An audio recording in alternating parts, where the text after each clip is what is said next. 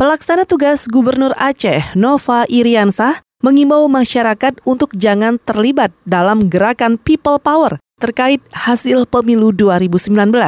Nova mengingatkan sejumlah pihak yang punya niat people power lebih baik menempuh mekanisme dan jalur hukum yang sudah ada. Nova juga mengatakan people power ini inkonstitusional.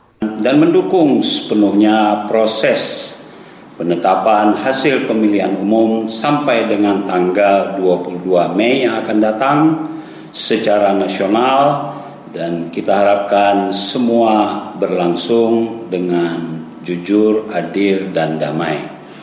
Saya menghimbau kepada seluruh rakyat Aceh untuk tidak melakukan dan tidak ikut-ikut melakukan gerakan yang inkonstitusional Selain Nova yang mengimbau agar masyarakat tidak ikut-ikutan people power, sejumlah tokoh juga menyerukan hal senada. Misalnya Bupati Aceh Tamiang, Mursil, juga Bupati Aceh Utara Cekmat. Semua mengajak agar setiap peserta pemilu bersabar menanti pengumuman resmi dari Komisi Pemilihan Umum atau KPU.